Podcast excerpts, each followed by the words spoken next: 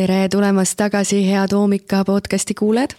meie oleme Michelle ja Annika ning oleme täna siin, et jätkata meie praktilise emotsionaalse intelligentsuse seeria põhjaliku ülevaatega. tänane teema on uhkus. ning iha ja uhkus on kaks kõige valesti mõistetumat emotsioonide klassi üldse. uhkus on väga õhuke jää vaene aseaine kaljukindlale tugevusele, mida hakkame kogema alates julguse tasandist.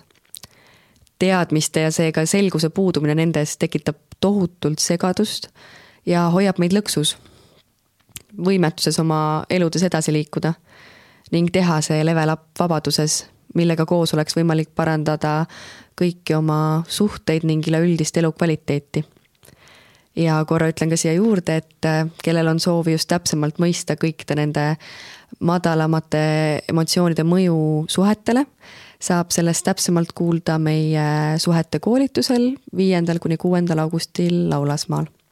et juba õige pea. aga Annika, annan sõnajärje sulle edasi.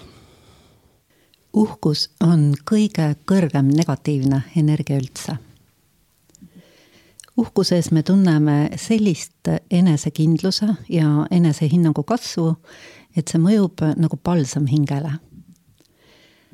kuna uhkus on nii kauge kõikidest nendest apaatsetest, kõige alumistest energiaklassidest, kus enamik, paraku enamik inimkond elab, siis kui mõni inimene hüppab oma baasseisundis üles julguse tasandile, siis see väljatulek sellest meeleheitest on tõsiselt tõeline, tõeliselt nagu suur hüpe inimese arengus. ja kuna uhkust kirjeldatakse meie kultuuriruumis pigem valesti, ehk teda peetakse positiivseks emotsiooniks, siis inimene jääb selle sisse tihti lõksu. ja hakkame siis jälle otsast arutama, nagu meil mm, harjumuseks on siin saanud uhkust võib kasutada hüppelauana julgusesse. aga paraku me tihtipeale näeme, et uhkus tuleb enne langust. uhkus on kaval, uhkus pimestab. uhkus isoleerib inimese. Öeldakse, et uhkus varastab su paljaks ja hoiab su boksis. uhkus välistab inimese nõrkuste ja piirangute läbinägemise ja seega ka igasuguse abi ja muutuse võimaluse ja alles siis, kui me õpime uhkust läbi nägema ja seda vabastama, saab võimalikuks kõik see, millega me oleme eluaeg võidelnud, mida me oleme lootusetult ihaldanud ja mille tõttu me oleme nendes osades elus läbikukkunuks tembeldanud.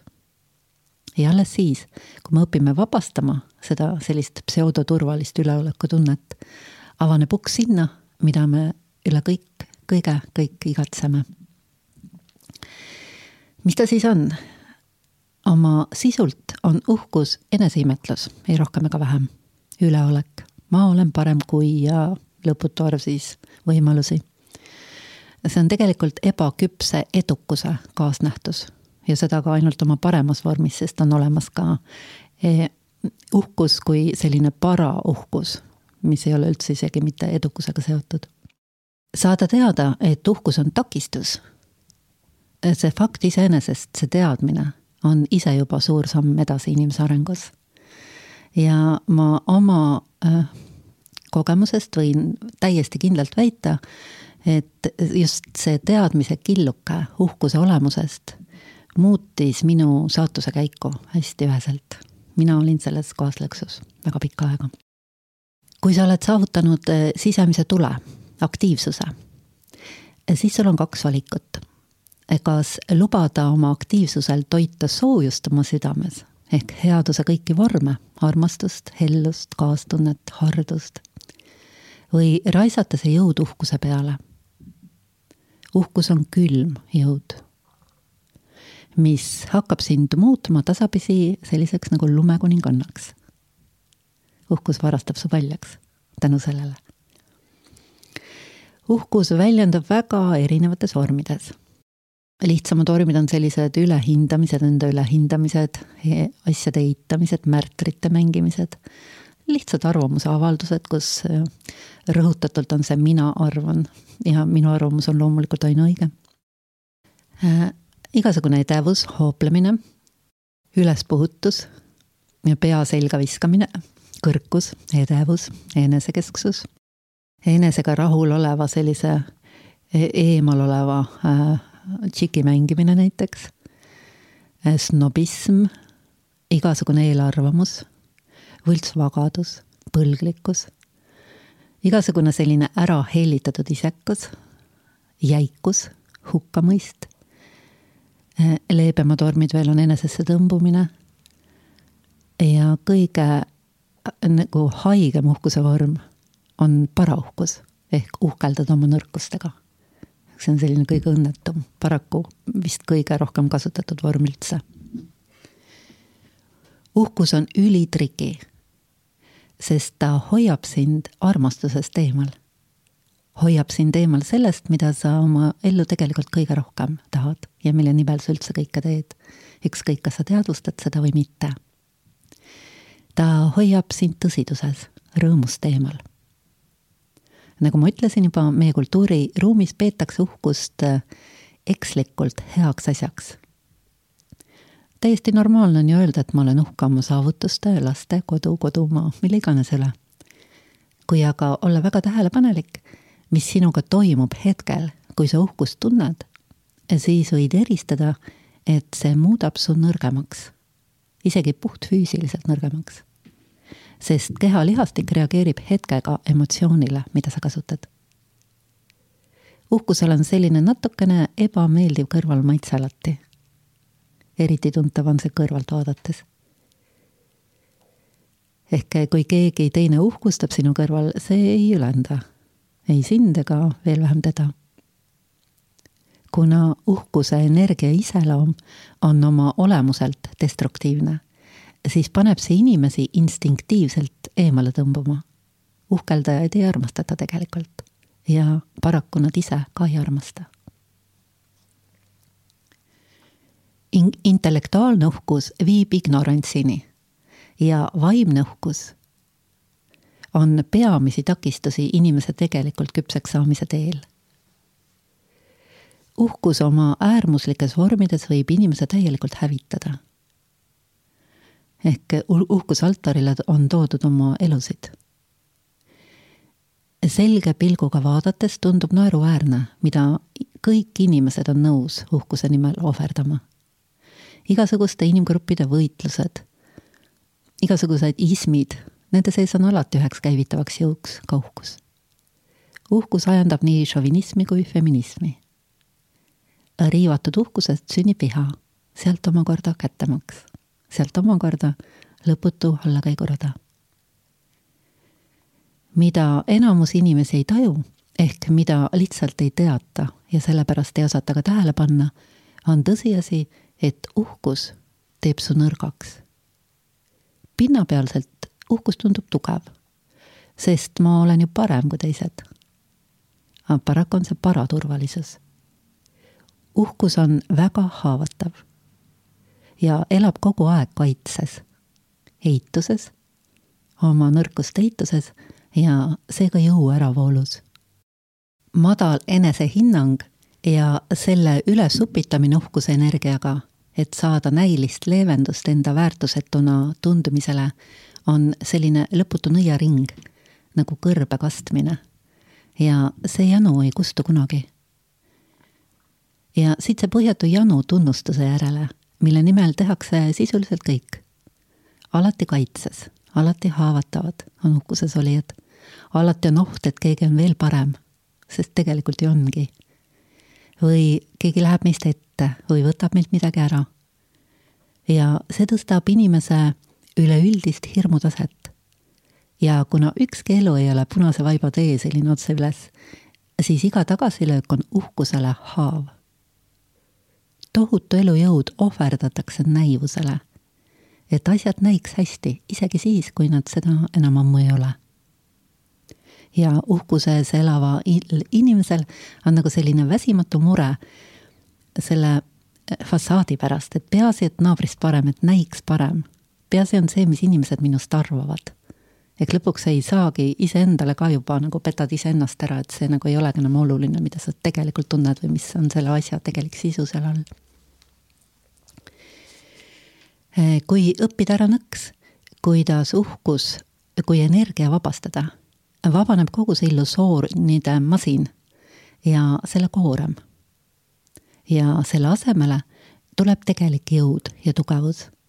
ehk vabaneb nii tohutu elujõud, mis teeb võimalikuks teha seda, mida sa tegelikult tahad ja hakata uurima stabiilseid heaoluallikaid, mis ei ole nagu kõrbe kastmine enam kui me sisemiselt vabaneme vajadusest enda, ennast nagu pidevalt tõestada ja oma imidžit kaitsta, siis kummalisel kombel kriitika meie suunas järjest väheneb, kuni lõpuks avastame, et keegi nagu ei kipugi enam ütlema meile halvasti. ikka ja jälle avastad, et elu on hästi elus sinu ümber. Ehk kui sa ise lased vabaks vajaduse ennast upitada, siis ka rünnakud kaovad mis kipuvad sind nagu alla tõmbama. E, mingil hetkel me võime taibata, et just see selline kaitsepositsioonis elamine ise trigerdab teistes vajadust meid rünnata. uhkusest on lihtne lahti lasta siis, kui me näeme ta läbi. läbi näha on kõige kergem, kui teda läbi teadmiste prismade läbi teadvustada ja seeläbi tunnistada tema mitte ainult väärtusetust vaid tegelikult tema nagu sellist kahjurlikkust oma elus. võib tekkida küsimus, et kas on olemas ka sellist nähtust nagu terve uhkus, ehk kust on siis tulnud mm, kultuuriruumi selline teadmine, et uhkus on hea.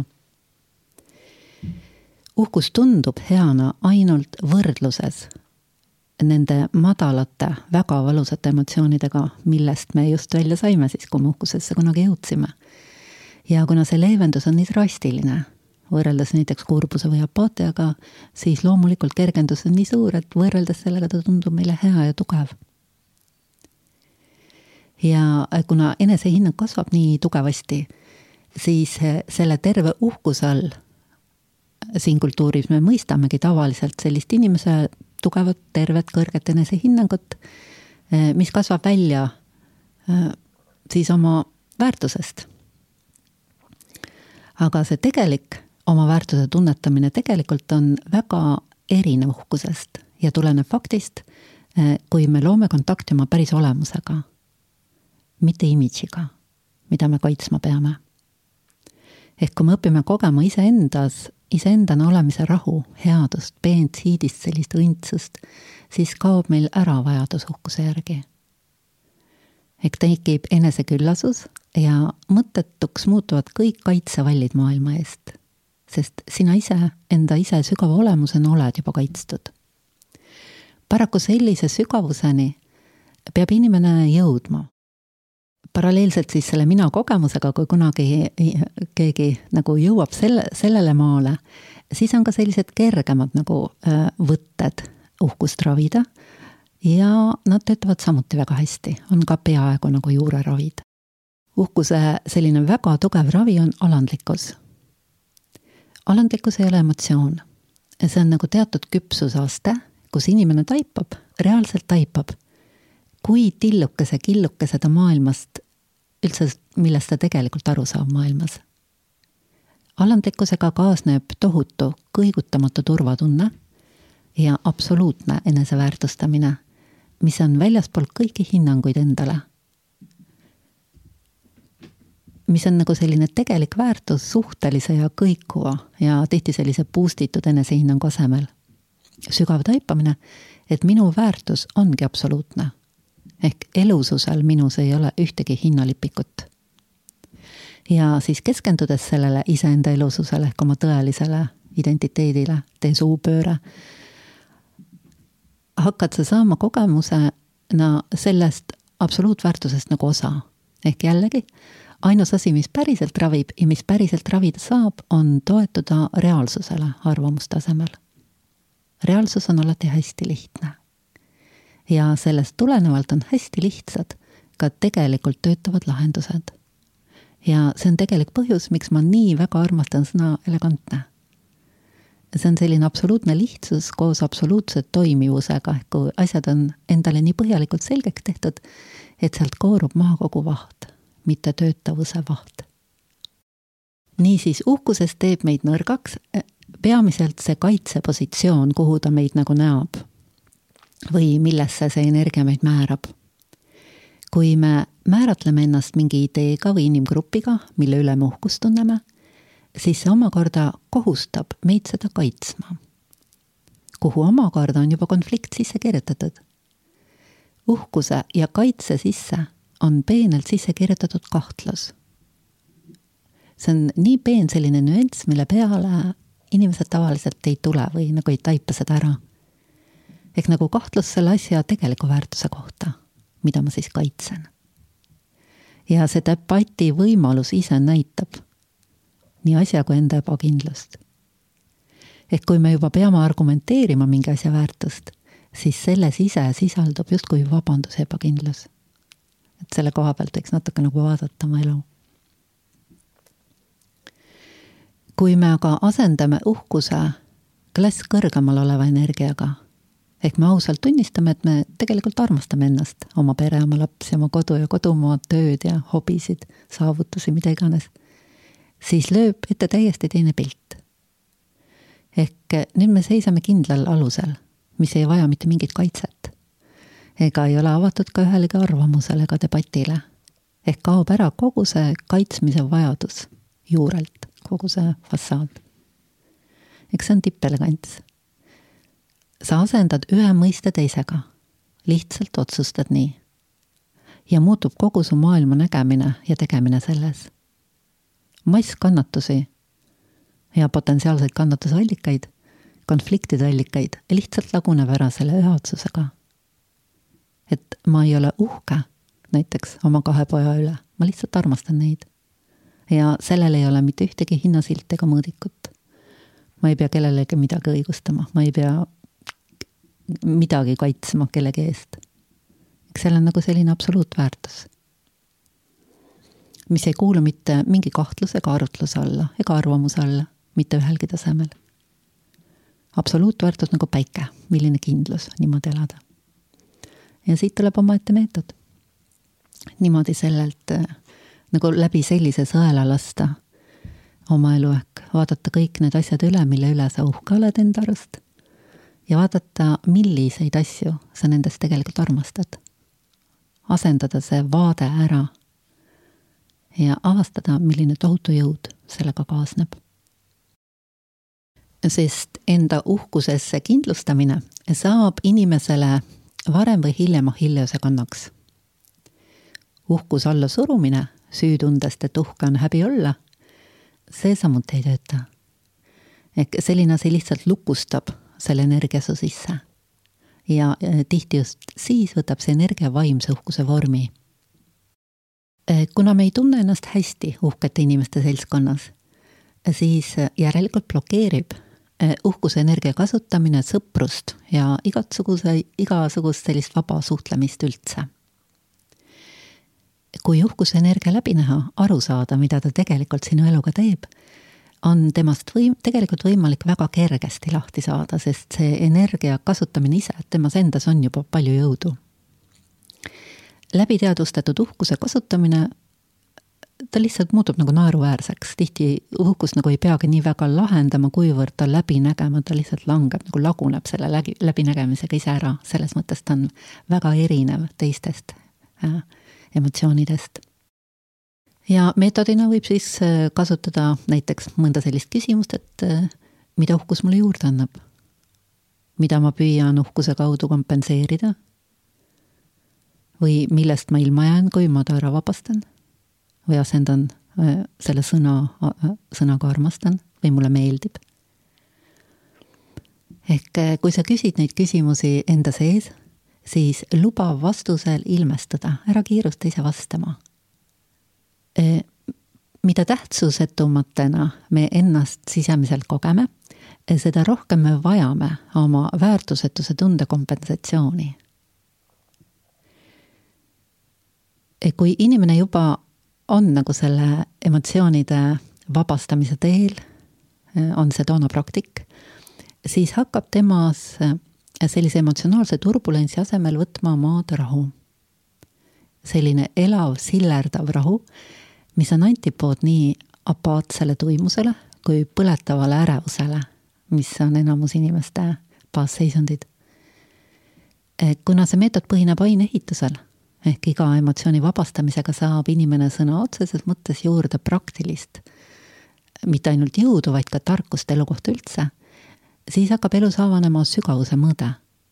ja selles sügavuses avaneb järjest süvenev heaolu, kus uhkus nagu kaotab oma pointi üldse. nüüd uhkuse selline salajane vorm on võltsalandlikkus ja tagasihoidlikkus. et oh, mis nüüd mina. sellise suhtumise taga varjab ennast salajane soov, et meie saavutusi, mille üle me tegelikult uhkust tunneme, märgataks ja tunnustataks. aga me oleme liiga uhked, et avalikult hoobelda. vot selline kombo on ka võimalik. uhkuse kõige valusama pale paljastab tema kaksikvend, milleks on kadedus. kuna kogu uhkuse kontseptsioon põhineb võrdlusel ehk ma olen parem kui, siis paraku on alati keegi, kes on sinust noorem, ilusam, rikkam, targem. ehk uhkuses sa nagu näod ennast mittepiisavusse ja rahulolematusesse. see on üks koht, mida, millel võiks mediteerida uhkusel siiski, nagu ma päris alguses ütlesin, on ka tillukene selline tore mm, kasutuse võimalus ehk uhkus kui motivaator. Eh, see töötab tegelikult väga hästi, aga seda ainult alguses. Eh, suur osa inimkonnast tegelikult saab oma esimese drive'i sellest, et olla kellestki parem, et kellelegi ära teha või, või lihtsalt mänguliselt olla kelle, kellestki parem, et kõik, kogu sport ju eh, põhineb, nüüd on läinud selle peale tegelikult algselt Äh, selle algne mõte oli ju äh, väljendada nagu inimeseks olemise piire või suurust. Kuna uhkuses on alati nälg vali, välise tunnustuse järgi ja sinna on juba sisse kirjutatud selline haavatavus ja seega allakäik viha suunas, siis, sest me tihti ei saa tunnustust sellisel moel ja sellises koguses, nagu meis olev uhkus ihaldab, siis õnneks paljud taipavad varem või hiljem et uhkust ei olegi võimalik küllastada uhkusena. ehk sellise tunnustuse äh, nagu akumuleerimise kaudu. ehk meie ihavälise tunnustuse järgi ei saa mitte kunagi otsa. ja inimesed taipavad, et palju kõrgem motivaator, mille saab võtta asemele, on rõõm. ehk kui me lihtsalt tunneme naudingut sellest, mida me teeme ja mida me saavutame, puhast rõõmu naudime seda sisemist rõõmu, mis endaga kaasa toob, siis me muutume kaljukindlaks, haavamatuks teiste arvamuste ja väliste reaktsioonide suhtes. lihtne ja toimiv meetod kordades rahulikuma ja õnnelikuma elu suunas on hakata jälgima enda sisemisi motiive. Ehk miks ma teen valiku teha midagi? miks ma tegelikult teen, mida ma tegelikult tahan? sellise sisemise seadistusega tabad oma elust kõik, mida ma teen teistele mulje avaldamiseks. see toob palju kergendust. inimesed kulutavad oma elusid tunnustuse saamise nimel. See neelab niivõrd, et tuhmistub inimese tõeline kutsumus ja eesmärk. hästi suurt selgust toob kui lased kõik oma tegevused ja valikud halastamatu aususe prisma läbi nagu, läbi sellise sõela. ehk vaatad nagu röntgenpilguga üle oma elu selles võtmes. just see, et mida ma tegelikult tahan. kas see elu, mida ma elan, on minu enda valitud? ehk selliste küsimustega sa saad selge pildi sellest osast oma elust, mis on päris sinu oma sest aeg on halastamatu. ja see pilt võib ehmatada. mõni inimene avastab, et ups, ma ei elagi oma elu üldse. aga hästi julm on avastada seda oma elu lõpus. ja selline lõiv, kui sa elad nagu teiste, teiste poolt sulle ette antud mingite eesmärkide kaudu, selle lõiv on pidevalt näriv rahulolematus. eks sa tunned, et kogu aeg on nagu midagi valesti, isegi kui sa oled väga edukas selles. ja väliselt on justkui kõik väga norm, aga kõik klassikalise edukuse kriteeriumid on olemas selles võtmes on uhkus julm. ehk ta hävitab inimese saatuse. Nüüd eelmisel nädalavahetusel oli meil iga-aastane suur suveretriit, kus üks noor mees tunnistas, et ta avastas, et ta on arusaamatult apaatne. nagu noore mehe kohta nagu täiesti ei oska seda kuidagi põhjendada. ja ta taipas, et ta on omaks võtnud ja täidab oma ema unistusi tema kohta, mitte enda omi eks see on jube julm. Õnneks ta avastas nii noorena selle. Sellise teistele meele järgi elamisega ma olen absurdselt palju kokku puutunud oma töös. samas laagris üks noor naine tunnistas, et nende peres oli tal ainult kaks valikut, saada arstiks või advokaadiks. ehk vanemad saaksid oma laste üle uhked olla, midagi muud ei aktsepteeritud. kui seda hästi kainelt vaadata, olla uhke teise inimese kaudu talle valikuid ette kirjutades ehk tema elu üle võttes, siis oma sisult on see julmus. Aga seda tehakse massiliselt, armastuse nimel, sest ema ja isa teavad ju paremini. või sõbrad. ehk uhkuse mängud on väga karmid. uhkuse järgmine ülilevinud trikk on hullutada inimesed glamuurilõksu glamuurist me natuke ühes podcastis rääkisime. eks see on siis defineerida ennast asjade omamise kaudu, omistada asjadele selliseid nagu ulmelisi väärtusi, mida neil tegelikult ei ole. eks see on selline uhkuse snobismi vorm. see on võib-olla kõige absurdsem viis inimese püüdest oma väärtust tõsta. ometi rohkem või vähem me oleme seda kõik teinud. lapsepõlves vähemalt, kui mitte hiljem Õnneks paljud siiski näevad selle pinnapealsuse läbi ja kasvavad sellest varem või hiljem välja. sellega muud ei saagi, siin tuleb lihtsalt välja kasvada. Sest õnn uuest asjast on megaüürike ja teiste kadedus ei toida ei sind ega seda teist. et see glamuur on pigem nagu laste haigus, mis tuleb äh, pea kõigil läbi põdeda. aga paraku mõnel see ei lähegi üle ja sellised inimesed mõjuvad äh, pigem nagu naljakalt mingil hetkel, pigem tekitavad kaastunnet. kallid kvaliteetsed asjad on ju imetoredad, aga kui nendega, nende omamisega kaasneb uhkus, siis see tegelikult blokeerib inimese edasise arengutee. hästi julm.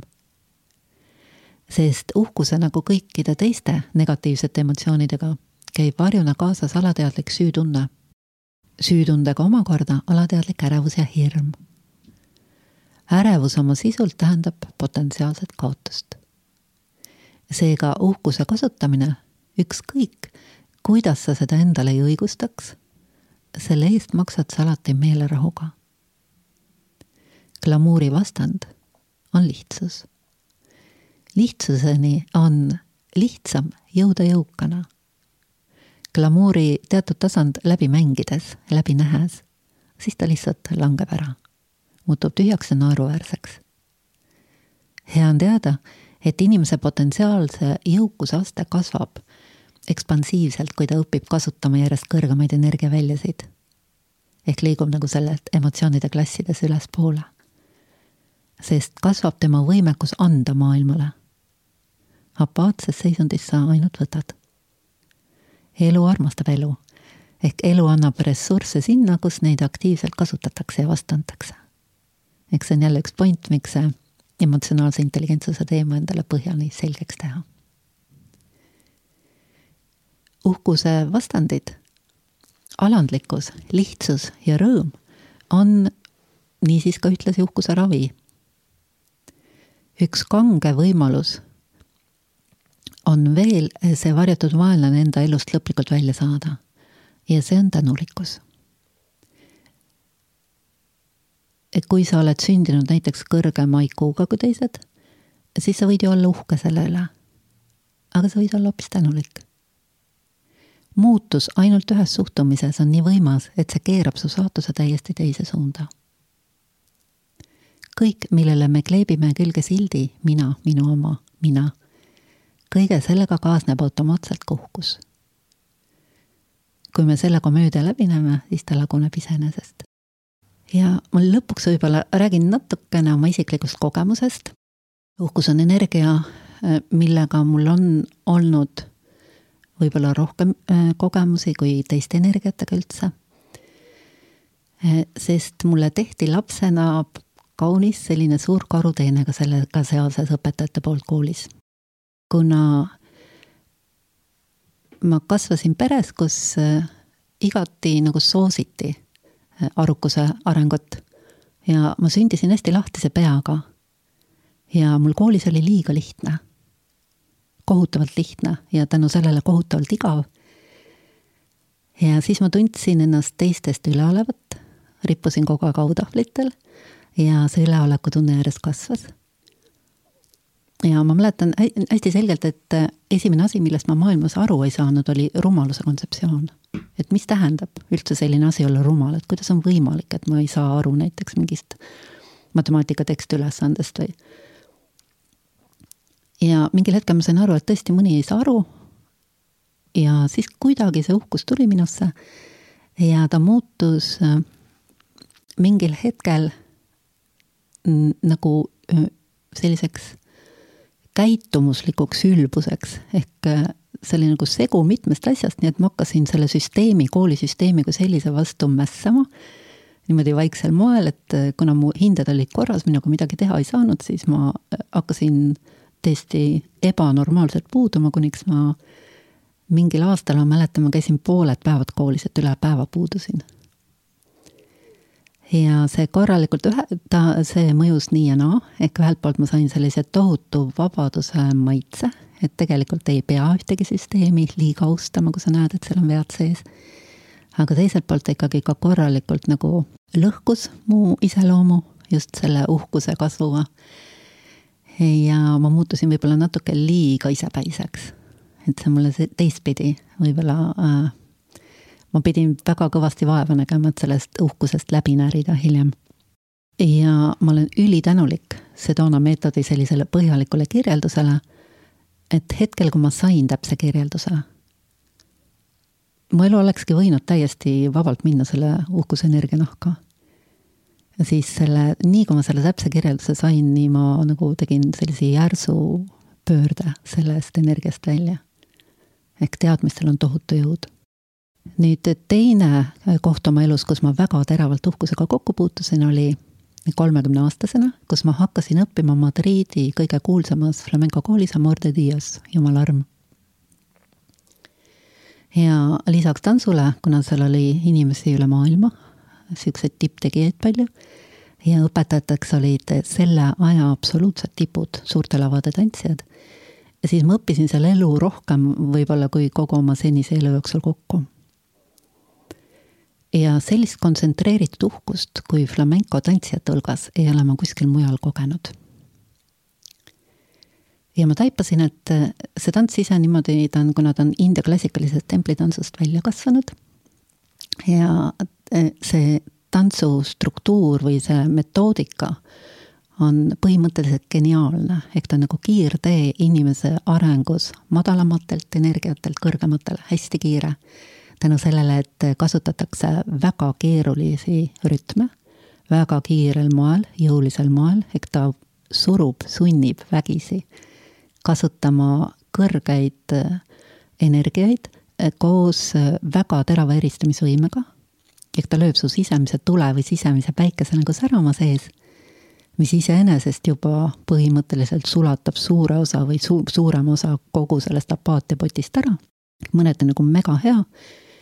ja siis see energia hakkab tulema üles südame suunas ja siis on sul tegelikult valik, kuhu sa siis selle suunad, nagu kaks jõge, nagu vene muinasjutt ja, ja jällegi, et kuna meil ei ole täpset teadmist, siis paraku eriti mida algajam on tantsija, siis ta hakkab tundma sellist üleolekutunnet teistest, sest ta näeb, et ta silm särab, ta on kiirem, tugevam, seda tantsija vorm, tants ise vormib su keha väga ilusaks, naha säravaks, silmad säravaks. eks sa muutud selliseks nagu lummavaks isikuna. tihti vastassugupoolele ka, mis omakorda veel nagu seda uhkust edendab. ja, ja siis oli nagu väga hästi näha, kuidas järjest, kui ma palju aastaid seal käisin, kuidas järjest inimeste iseloomud nagu muutuvad, ehk nii kui see uhkus, nii kui ta läks uhkusesse, nii ta sisuliselt ikkagi alguses süsteem, mis tohutult inimest edendab, hakkab sedasama, seesama süsteem hakkab teda lõhkuma.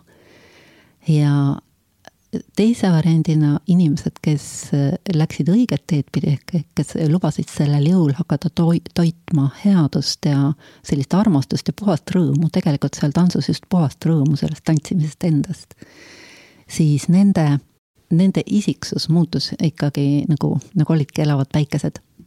ja üks fakt, mis oli nii ilmselge, mis mulle nii endale nagu niisugune heurek oli, ehk äh, kuna ma hakkasin õppima tantsu nii hilja, siis ma läksin kohe kõige kõrgemate ehk nende päris lavatantsijate tundidesse, mul ei olnud normaalse äh, nagu kiirusega aega õppida. ja mu lemmikõpetaja oli selle aja absoluutne tipp, Helen Maia teine oli Rafaela Carrasco ja nende isiksused olid äh, nagu ebatavaliselt äh, ilusad, inimestena ilusad olid nad. just tänu sellele, et nad olid tabanud ära mitte kasutada uhkust. või võib-olla tänu sellele, et neil oli nii erakordne anne või nii erakordne armastus selle tantsu vastu. et nad, nad asendasid uhkuse selle rõõmuga, tegemise rõõmuga et selles mõttes selline hästi isiklik, hästi terav äh, nagu elu poolt antud äh, õppetund, mida üks äh,, mida üks väike nõks, üks väike muutus võib teha. ehk päris maailma tippude nii palju, kui ma olen kokku puutunud nendega, nad on eranditult kõik ainult sellepärast tippu jõudnud, et nad armastavad seda, mida nad teevad, mitte ei ole uhked selle üle. ja mm, võib-olla siis piisab tänaseks, et võtaks kokku selle teema, see on muidugi teema, millest võib väga-väga palju rääkida. Minu isikliku kogemusena siis uhkus on teatud küpsusastmest selline täiesti mõttetu energia, pigem nagu segaja. ehk tal nagu ei olegi mitte üldse mitte mingit pointi elus. ehk ta, ta võib kasutada ainult trepiastmena vihast aususesse ja julgusesse, ainult korraks. puudutad korraks ja lähed edasi aga kui kinni jääd uhkusesse, siis ta tõmbab sind tagasi ja väga kiiresti tavaliselt. Nii et kui uhkust endast märkad, siis võid küsida, kas ma tahan olla pigem uhkuses või pigem eelistaksin olla selline rõõmus ja lihtne, alandlik ja tänulik. ma soovin, et jääks kõlama sellest podcasti osast, et uhkus teeb meid kurdiks ja pimedaks asjadele, mis võiksid olla sügavalt kasulikud ehk mida tugevamaks inimene sisemiselt kasvab, seda paindlikumaks ta muutub, seda avatumaks kõigele, mis elus edasi aitab. aga uhkus pimestab meid meie endi nõrkuste suhtes ja teeb võimatuks abi palumise või siis selle vastuvõtmise kohtades, kus me seda tegelikult vajaksime. uhkus isoleerib meid, näeb meid nõrgaks. ja uhkusest vabanedes lukustub lahti nagu selline küllusuks, meie ellu hakkab voolama abi. me vahest saame üle probleemidest, mis tundusid lootusetud, kus me olime alla andnud. ehk uhkuse pseudoturvalisusest lahti lastes avaneb tegelik võimalus päris turvatundes elama hakata. ja see on uks rõõmu suur-suur aitäh, Annika äh,. Ja vau ja ma sooviksin äh, siia lõppu veel äh, tänutäheks kõikidele meie kuulajatele. on meil väikene kingitus. selline asi, et meil on sooduskood Oomika podcast kakskümmend millest me räägimegi ainult siis äh, tänases episoodis, et salajane info, mis on siis äh, kahekümne eurone sooduskood kõikidele meie emotsionaalse intelligentsuse kursusesarja toodetele. see kehtib äh, kolmekümne esimese juulini, seega vaid paar päeva. ja, ja sinna sisse läheb siis ka meie järgmine suhete koolitus. seega kogu info leiate kirjeldusest ning olete väga oodatud. aitäh teile!